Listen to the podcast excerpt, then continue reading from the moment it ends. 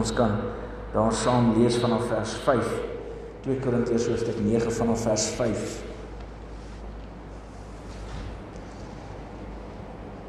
Paulus is aan die woord en hy praat met die gemeente in Korinte. Hy sê vir hulle: "Daarom het ek dit noodsaaklik geag om die broers aan te spoor om vooruit na julle toe te gaan. Hulle moet die dankoffer wat julle vroeër beloof het vooraf in orde bring. Dan sal dit daar gereed wees as 'n werklike offer van dankbaarheid en nie as iets wat afgepers is nie. Piet, sit my net so 'n bietjie sagter. Asse. Goed, dankie. Hy sê in vers 6: Dink daaraan. Wie karig saai, sal karig oes en wie volop saai, sal volop oes.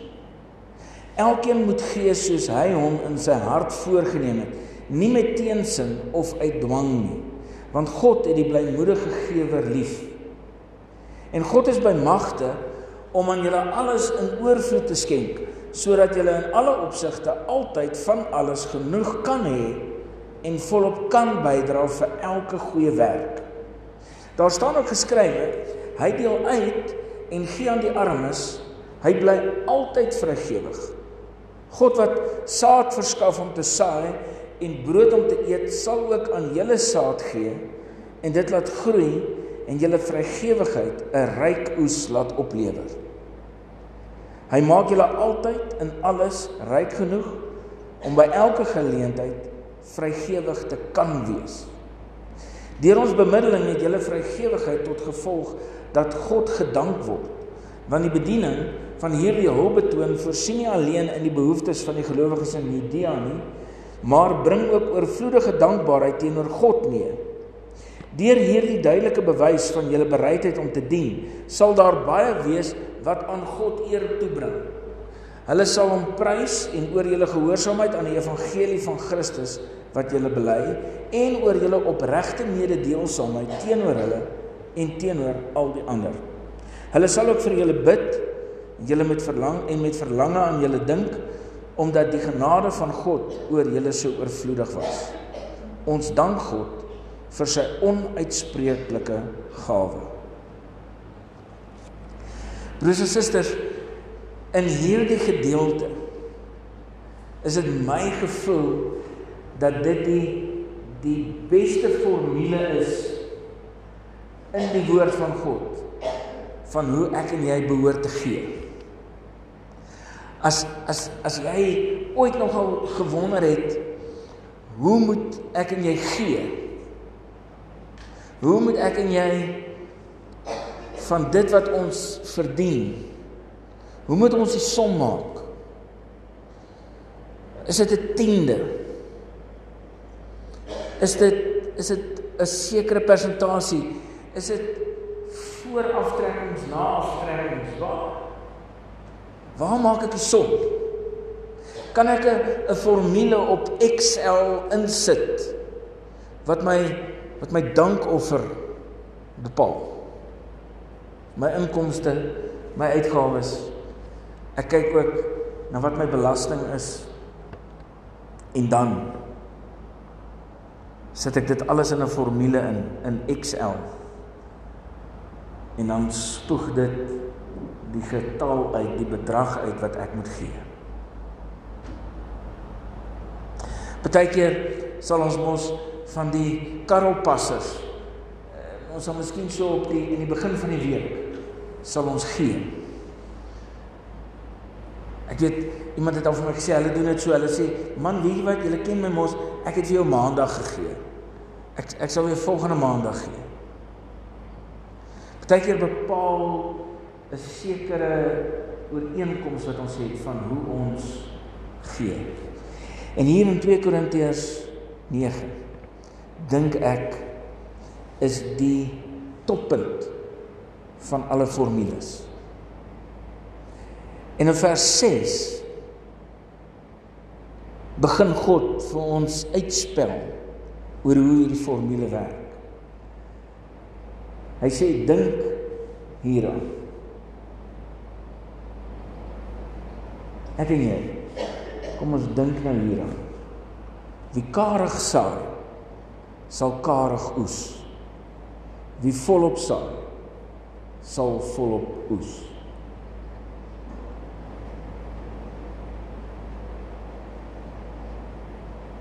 Eintlik baie eenvoudig. Ek en jy ons maak hierdie goed moeilik. God maak dit eenvoudig. Maar binne in hierdie gedeelte is dit nie die begin en die einde van die formule nie. Dis net iets hier in vers 6 wat God vir my en jou wil laat aan die ding kry. Hoe saai ek en jy? Saai ons maar so bietjie bietjie. Want as jy maar net so bietjie bietjie saai, kan jy maar net ook 'n karige oes terugverwag. Want in hierdie gedeelte gesels ons met ons verder oor die offer. Hoe berei ek en jy 'n offer voor aan God? Ons noem dit ook selfs steeds in die gemeente noem ons dit 'n 'n dankoffer. Maar dit voel vir my amper 'n dankoffer het al so woord gewoord geword wat wat ons bietjie moet omskryf.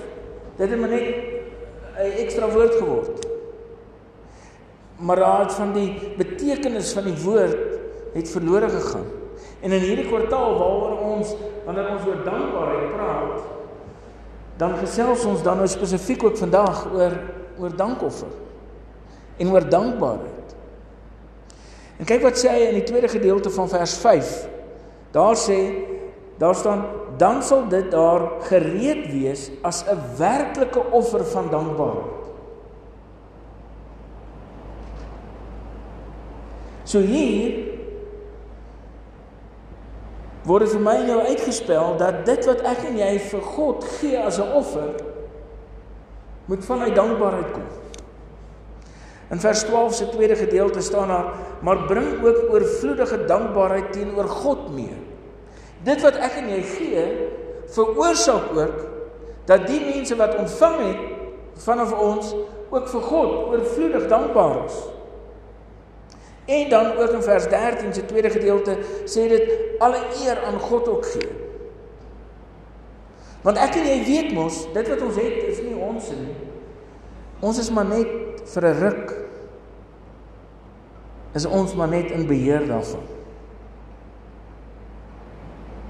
Het God maar net dit wat ons het, die kennis waarmee ons dit wat ons het bymekaar gemaak het, die vaardighede is ons maar net rentmeesters.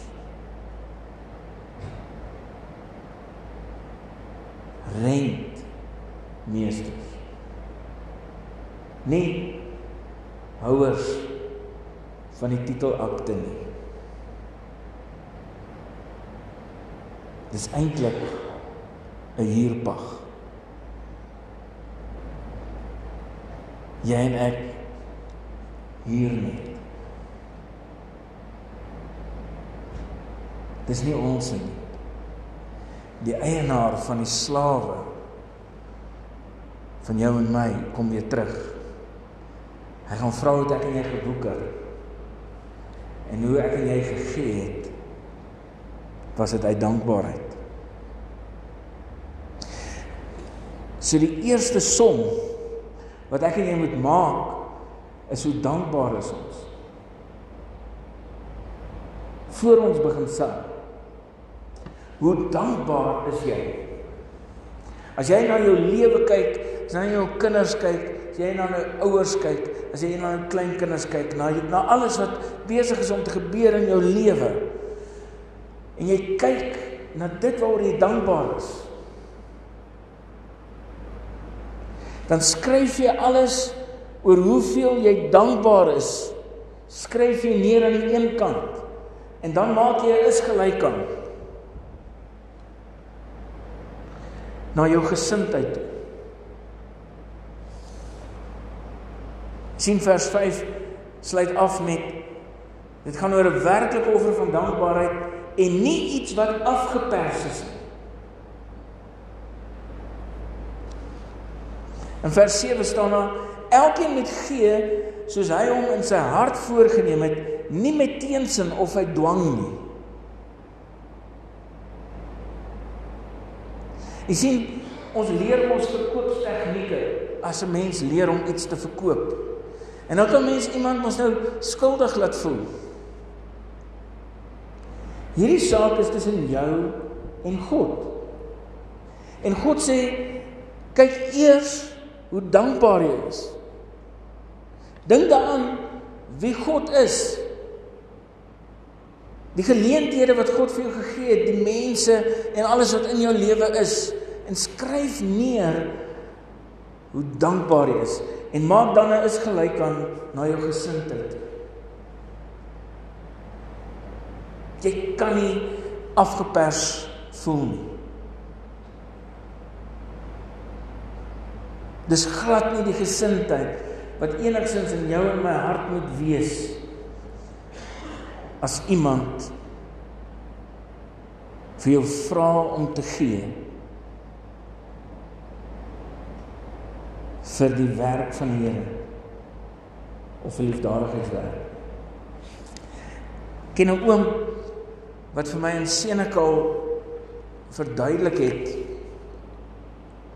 hoe hy letterlik boekhou van alles.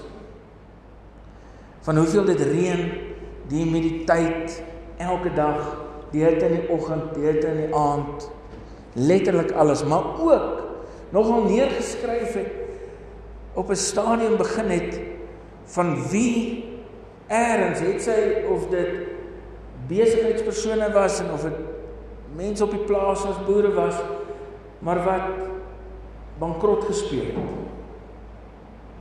En die oom het op 'n dag vir my gewys dat niemand het nog ooit in die Senekal distrik bankrot gespeel omdat hulle vir hulle gemeente of vir liefdadigheidsorganisasies in Senekal te veel geld gegee het. Niemand. Niemand, niemand, niemand. Ons speel bankrot oor ander redes. Niemand het nog ooit geld uitgedobbel op 'n liefdadigheidsorganisasie of in sy of haar gemeente. Niemand.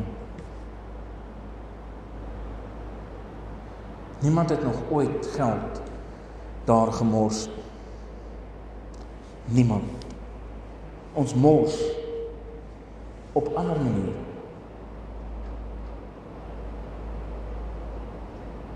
En as ek en jy ooit voel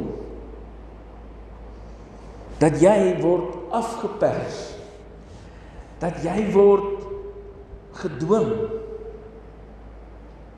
skuldig laat voel oor dat jy 'n dankoffer moet gee. dan is dit iets wat jy en ek met die Here moet uitsorteer. As ons hierdie som maak, maak ons die som eers met ons dankbaarheid gelyk staan aan hoe lyk ons gesindheid? Voel dit afgepers of is dit 'n werklike offer wat sonder dwang kom? En dan dan moet ons saai dan kan ek en jy nie karig saam. En wat dan? Dan sê God in vers 8 en vers 11 iets wat vir my voel dat dit moeilik is om 'n is gelyk aan aan te sit, maar God doen dit. God sit die laaste is gelyk aan aan in hierdie in hierdie som.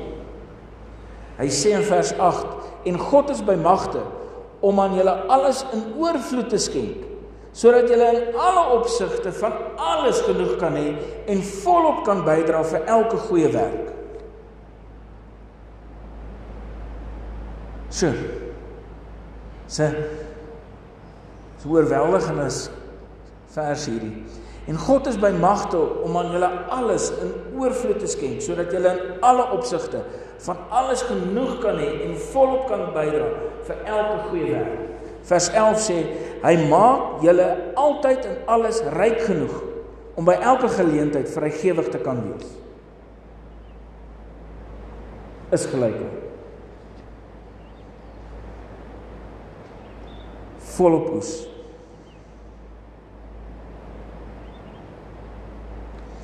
Hierdie is die formule waar volgens God wil hê ek en jy moet gee.